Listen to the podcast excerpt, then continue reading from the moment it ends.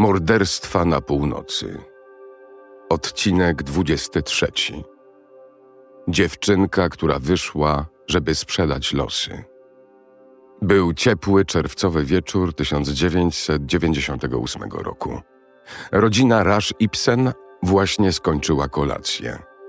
Ponieważ doszło do kolejnego konfliktu z ojcem Jornem, najmłodsza córka rodziny, dziesięcioletnia Susan, postanowiła wyjść na chwilę z domu. Odkąd kilka lat temu rodzice się rozwiedli, dziewczynka często kłóciła się z ojcem. A ponieważ ten czerwcowy wieczór był ciepły i piękny, błagała go, żeby pozwolił jej wyjść jeszcze na dwór. W wielkich blokach mieszkalnych osiedla Brunbush Tran Park latem było bardzo gorąco, choć szesnastopiętrowe budynki rzucały na siebie długie cienie – kiedy dziewczynka szła po betonowych płytach dziedzińca, czuła pod stopami rozgrzany beton. Była szczupła, a jej włosy w kolorze średniego blondu były obcięte na pazia. Ubrała dzisiaj długą koszulkę ze Spice Girls, która zwieszała się jej na kwieciste szorty. W rękach trzymała kilka losów na loterię, które chciała sprzedać sąsiadom. Tak naprawdę były to losy jej starszej siostry, ale Susan posłużyła się nimi jako pretekstem, by móc opuścić mieszkanie. Tymczasem nastała ósma wieczór, a Susan wciąż nie wróciła ze spaceru, choć miała być z powrotem najpóźniej o dziewiątej. Dziewczynka nigdy więcej nie pojawiła się w domu.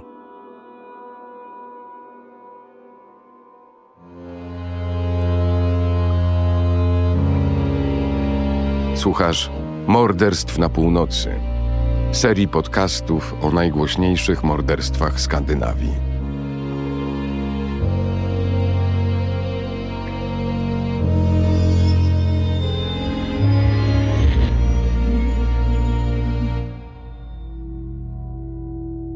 Odcinki bazują na prawdziwych zdarzeniach, które zostały przeanalizowane przez Janę Agard i opowiedziane przez Paulinę Holz. Opisy wydarzeń powstały w oparciu o doniesienia medialne.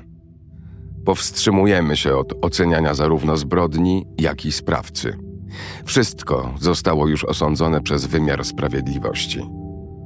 Prosimy pamiętać, że niektóre z opisanych tu szczegółów mogą wywołać silne emocje, zwłaszcza dlatego, że mowa tu o życiu i śmierci autentycznych osób.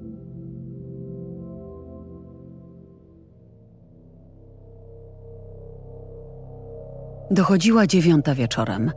Ojciec i starsza siostra Suzan postanowili przejść się po okolicy, wołając dziewczynkę. To nie był pierwszy raz, kiedy Suzan do późna bawiła się poza domem, ale im więcej czasu mijało, tym bardziej Jern się niepokoił. Zadzwonił do jej matki, wszystkich koleżanek, a w końcu na policję. Już w piątek, późnym wieczorem, policjanci zaczęli planować i prowadzić poszukiwania zaginionej. Czynności poszukiwawcze trwały przez całą noc i cały następny dzień. Funkcjonariusze przeczesywali całą okolicę. Do intensywnych poszukiwań zaangażowano również psy policyjne, helikoptery i nurków, którzy w zielone świątki przeszukali rozległe rezerwaty przyrody otaczające Bronbu. W poszukiwaniach uczestniczyło także wielu mieszkańców Bronbu. Osiedle Bronbush Tran Park liczyło 7500 mieszkańców, wielu z nich o niskich dochodach lub otrzymujących wsparcie pomocy społecznej. W dwunastu wieżowcach tego jednego z najpiękniejszych zakątków Danii mieszkali ludzie 80 różnych narodowości, którzy zmagali się z poważnymi problemami społecznymi – w tym dużym skupisku ludzi w trudnej sytuacji społeczno-ekonomicznej, tyglu językowym i kulturowym, policja musiała znaleźć informacje o miejscu pobytu Suzan.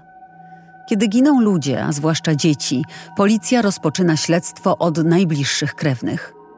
Funkcjonariusze szybko uzyskali wiedzę o problemach rodziny Ibsen ze szczególnym uwzględnieniem informacji o rozwodzie i zeznań przyjaciół Susan, którzy opowiedzieli, że Susan od czasu do czasu chodziła przygnębiona z powodu jej złych relacji z ojcem. Policja uzyskała również zeznania od ojca Susan. Funkcjonariusze obeszli z nim osiedle, aby zobaczyć, gdzie szukał Susan razem z jej starszą siostrą. Mijały dni. Całe Bronbusztrand wywrócono do góry nogami. Rozdawano ulotki ze zdjęciem Susan i przetłumaczonym na kilka języków komunikatem o poszukiwaniach. Policji towarzyszyli tłumacze, ponieważ kilkoro świadków widziało Susan tego feralnego wieczoru z dziewczyną o innym pochodzeniu etnicznym. Nie udało się jednak ustalić, kim była towarzyszka Susan. Właściciel kiosku i równocześnie mieszkaniec osiedla zeznał, że widział Susan przejeżdżającą obok na rowerze. Wielu mieszkańców osiedla o pochodzeniu migracyjnym obawiało się rozmowy z policją. Wszyscy jednak byli zgodni, że muszą pomóc rodzinie Suzan i pilnować licznych dzieci, które do tej pory swobodnie poruszały się między blokami i bawiły na okolicznych placach zabaw. Kilku młodych mężczyzn z dzielnicy postanowiło utworzyć samozwańczą straż obywatelską, aby chronić młode dziewczyny i dzieci na osiedlu. Z pomocą psów poszukiwawczych wielokrotnie przeszukano bloki mieszkalne, w szczególności wiele pomieszczeń piwniczych znajdujących się pod ogromnymi betonowymi budynkami. Z każdym kolejnym dniem nadzieja na odnalezienie Suzan żywej coraz bardziej gasła.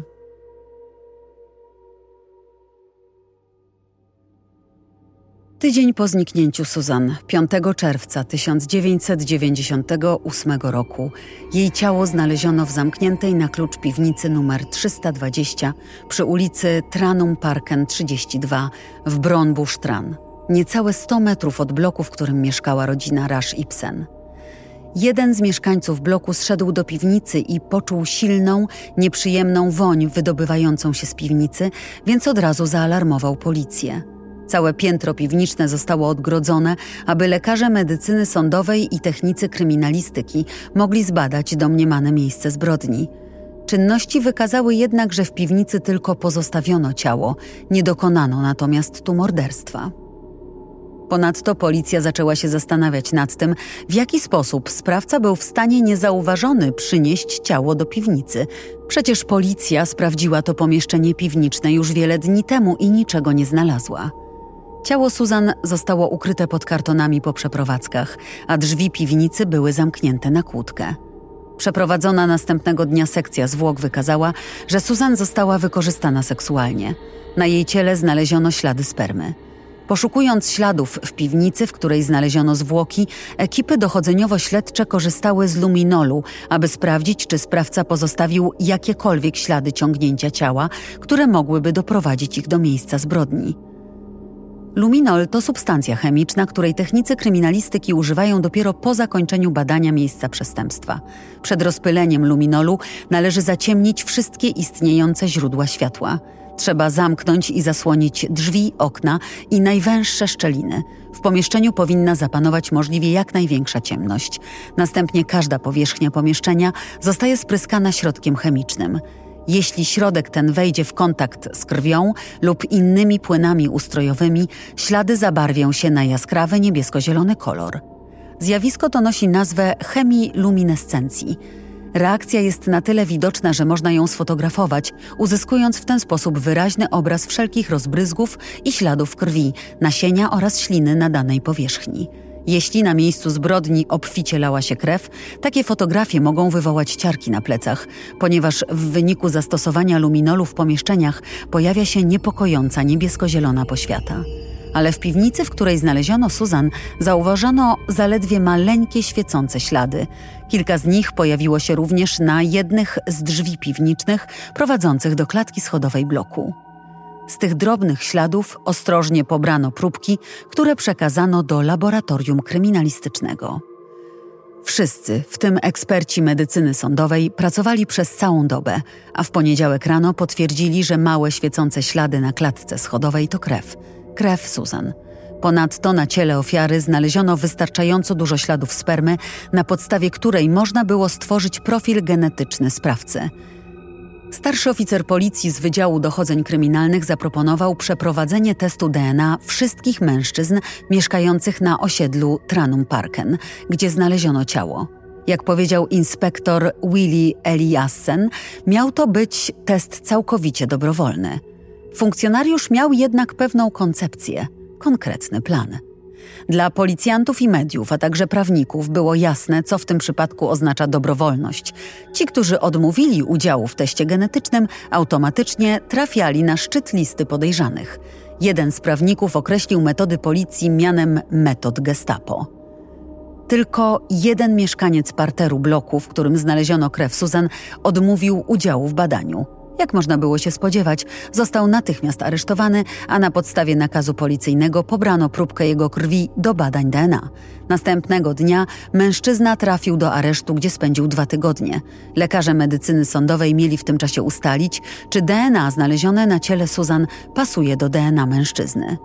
Był nim 50-letni Lars Lee Anborg Nielsen, rozwiedziony ojciec dwójki dzieci. Pracował na osiedlu jako dostawca i sprzedawca gazet i nie był wcześniej karany.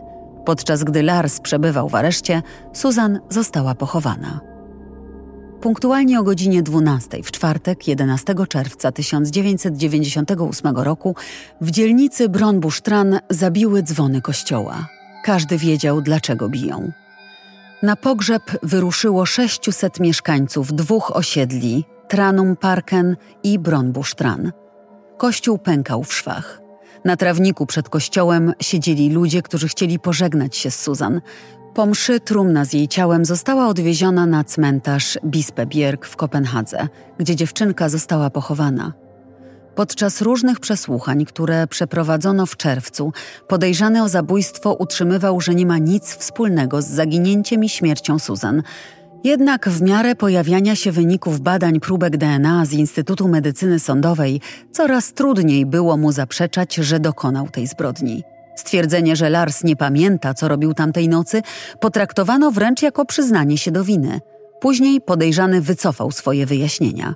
Tymczasem rodzina Suzan cierpliwie czekała na koniec długiego i szczegółowego śledztwa. Dopiero w marcu następnego roku policja miała wystarczająco dużo materiałów, by przekazać sprawę prokuraturze w Kopenhadze. Prokurator Erik Merlung, doświadczony oskarżyciel publiczny, sporządził akt oskarżenia i już w kwietniu skierował go do sądu. W materiale dowodowym zabezpieczonym przez policję jako ważki dowód w sprawie wykorzystano łącznie 14 próbek DNA. W akcie oskarżenia zarzucono oskarżonemu zabójstwo i zbezczeszczenie zwłok, ponieważ większość obrażeń została zadana Susan postmortem, a więc po nastąpieniu zgonu. Na początku Lars skorzystał z usług doświadczonego obrońcy Hansa Henrika Gamborga. Później reprezentował go adwokat celebrytów Torkil Hoyer. Aż w końcu zdecydował się na Mortena Wagnera, znanego prawnika z Wiborga. Częste zmiany obrońców spowodowały, że proces udało się rozpocząć dopiero po około dwóch latach od zaginięcia Susan w lutym 2000 roku. Decydującą rolę w sprawie odegrały dowody DNA. Była to pierwsza w Danii sprawa sądowa oparta wyłącznie na śladach biologicznych i technicznych. Nie uczestniczyli w niej żadni świadkowie. Nie znaleziono również żadnych jednoznacznych śladów Susan w mieszkaniu Larsa. Już na pierwszej rozprawie w Sądzie Okręgowym w Kopenhadze Lars złożył wyjaśnienia przed dwunastoma ławnikami i trzema sędziami. Prokurator wymienił dowody DNA i wziął oskarżonego w obroty. Czy naprawdę uważa pan, że uda się panu oczyścić z zarzutów? Zadał mu pytanie. Dowody DNA były jednoznaczne. Na ciele Susan znaleziono spermę Larsa. Na klatce schodowej bloku, w którym mieszkał, a także na jego spodniach znaleziono ślady krwi dziewczynki. Ponieważ były to plamy mikroskopijnych materiałów, biegli medycyny sądowej musieli kilkakrotnie badać próbki. Próbki zostały również wysłane do laboratorium Forensic Science Service w West Yorkshire w Anglii, które specjalizowało się w testach DNA. Podczas gdy oczekiwano na rozprawę sądową, naukowcy dokonali znacznych postępów w dziedzinie badań genetycznych. Prawdopodobieństwo zgodności profili DNA wzrosło wielokrotnie. Metoda analityczna rozwinęła się do tego stopnia, że prawdopodobieństwo powtórzenia się zestawu markerów genetycznych u innej osoby z populacji zostało zredukowane z 1 do 2000 do 1 do 100 tysięcy. Obrońca zlecił Erikowi Niburowi, lekarzowi specjaliście i profesorowi genetyki człowieka, zbadanie materiału DNA pod kątem ewentualnego braku wiarygodności. Adwokat zakwestionował wiarygodność dowodu z badania DNA. Ponadto wciąż powracał do kłótni, które były wynikiem pogarszających się stosunków między Susan a jej ojcem. Jednak żadne dostępne śledczym informacje czy dowody nie wskazywały na to, że w śmierć Susan mogli być zaangażowani ojciec lub inni członkowie rodziny. Podczas procesu trwały ożywione dyskusje związane z utworzeniem rejestru DNA. Obawiano się, że dowody DNA mogą godzić w pewność prawa. W Stanach Zjednoczonych istniała już baza danych DNA, a zabójstwo Susan było dla duńskiej policji wystarczającym powodem, aby na początku 1999 roku stworzyć specjalny wydział do spraw związanych z DNA. Tymczasem na sali sądowej prokurator miał za zadanie dostarczyć wystarczającej liczby dowodów obciążających Larsa. W międzyczasie przeanalizowano sytuację rodzinną oskarżonego. Był wdowcem i ojcem dwóch córek oraz chłopca, który wyprowadził się już z domu. W dniu, w którym zniknęła Susan, 31-letnia partnerka Larsa była na długiej wycieczce w Ameryce Południowej. Lars był mormonem i prowadził zajęcia z księgi mormona dla dzieci ze swojej wspólnoty. Ponadto pracował w duńskiej firmie dostarczającej listy i czasopisma Blood Companiet, gdzie kierował działem dostarczania czasopism. Koledzy opisywali go jako inteligentnego człowieka, który często wypijał o jedno piwo za dużo, a z powodu konfliktu z szefem groziło mu zwolnienie. Z opinii biegłego psychologa wynikało, że dzieciństwo Larsa było naznaczone przemocą fizyczną ze strony rodziców i że w wyniku tego był człowiekiem zdystansowanym emocjonalnie. Opuścił szkołę w wieku zaledwie 13 lat, a w dorosłym życiu często zmieniał pracę, nadużywał alkoholu i nie był zdolny do budowania trwałych relacji z innymi ludźmi. Prokurator przedstawił również zdjęcia pięciopokojowego mieszkania Larsa w Tranum Parken. Pokoje były zawalone klatkami dla ptaków i innych zwierząt, a sterty gazet i książek piętrzyły się aż po sufit. W mieszkaniu znaleziono sfatygowane meble, a także mnóstwo sierści po kotach, psach i różnych gryzoniach. W kuchni Larsa stała wielka zamrażarka, która w opinii prokuratora posłużyła Larsowi do przechowywania ciała, dopóki nie nadarzyła się okazja, by się go pozbyć. Sekcja zwłok Susan wykazała, że została ona uduszona krótko po zaginięciu, a skoro okolice, w tym pomieszczenia piwniczne, policjanci wraz z psami przeszukali niezliczoną ilość razy, zwłoki Susan musiały być przechowywane w innym miejscu. W zamrażarce nie znaleziono jednak żadnych dowodów. Została dokładnie wyczyszczona. Po ośmiu dniach rozprawy sędzia przewodniczący pouczył ławę przysięgłych, że nie ma powodu, aby wątpić w wiarygodność dowodową opinii z badań genetycznych. Dowód DNA był równie wiarygodny co odciski palców. Zebrane dowody obejmowały plamy krwi na czerwonych dżinsach Larsa i ślady spermy Larsa na ciele Susan. Ława przysięgłych potrzebowała niecałych dwóch godzin na wydanie werdyktu. Lars został uznany za winnego popełnienia zarzucanego mu czynu. 52-letni Lars Lee Leif Anborg Nielsen został skazany za zabójstwo dziewczynki i zbezczeszczenie jej zwłok. Kara za tego rodzaju zbrodnie, czyli morderstwo dziecka na tle seksualnym, była wtedy taka sama jak teraz wyrok dożywocia. Wprawdzie Lars odwołał się od wyroku do duńskiego Sądu Najwyższego, ale we wrześniu tego samego roku sąd drugiej instancji podtrzymał wyrok Sądu Okręgowego. DNA Susan oraz próbki materiału genetycznego pobrane ze spodni oskarżonego zostały poddane dalszym badaniom przez Instytut Medycyny Sądowej w Kopenhadze w 2001 roku.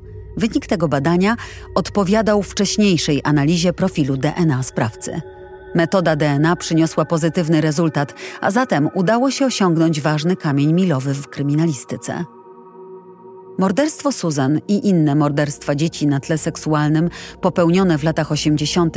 wywołały debatę polityczną na temat opracowania nowej ustawy o utworzeniu centralnej bazy danych DNA. 31 maja 2002 roku, kilka miesięcy po ogłoszeniu wyroku, duński parlament Folketing uchwalił ustawę o Centralnym Rejestrze Danych DNA. Zgodnie z przepisami tej ustawy, ślad DNA ma taką samą wiarygodność jak odcisk palca. Ustawa nakłada obowiązek sporządzenia profilu genetycznego na osoby skazane na karę pozbawienia wolności o wymiarze co najmniej jednego roku i sześciu miesięcy, albo skazane prawomocnym wyrokiem sądu za posiadanie pornografii dziecięcej. Profil zostaje wprowadzony do centralnej bazy danych, w której znajdują się również profile genetyczne śladów, co oznacza, że próbki DNA z miejsc zbrodni są zabezpieczane i przechowywane – co więcej, do bazy danych trafiają również próbki pobierane w ramach spraw, w których nie udało się zidentyfikować sprawcy. Z najnowszych danych z tego roku wynika, że w rejestrze DNA znajduje się 136 tysięcy osobistych profili genetycznych i 59 tysięcy niezidentyfikowanych śladów. Rejestr jest dzisiaj bardzo aktywnie wykorzystywany, a liczba przechowywanych w nim danych wzrasta co roku o profile DNA 8 tysięcy osób. Dzisiaj Lars prawdopodobnie nie siedzi już w więzieniu. W 1998 roku został aresztowany i skazany na dożywocie. Ponieważ w Danii kara dożywotniego pozbawienia wolności jest orzekana na czas nieokreślony, Wniosek o warunkowe zwolnienie Lars mógł złożyć dopiero w 2010 roku. Organ wymiaru sprawiedliwości może wprawdzie odrzucić wniosek o warunkowe zwolnienie, ale po 14 latach spędzonych w więzieniu możliwe jest poddanie warunkowego zwolnienia weryfikacji przez sąd. Zanim jednak dojdzie do przedterminowego zwolnienia, minister sprawiedliwości musi zastosować prawo łaski. Profil genetyczny sprawcy pozostaje jednak w bazie DNA na zawsze.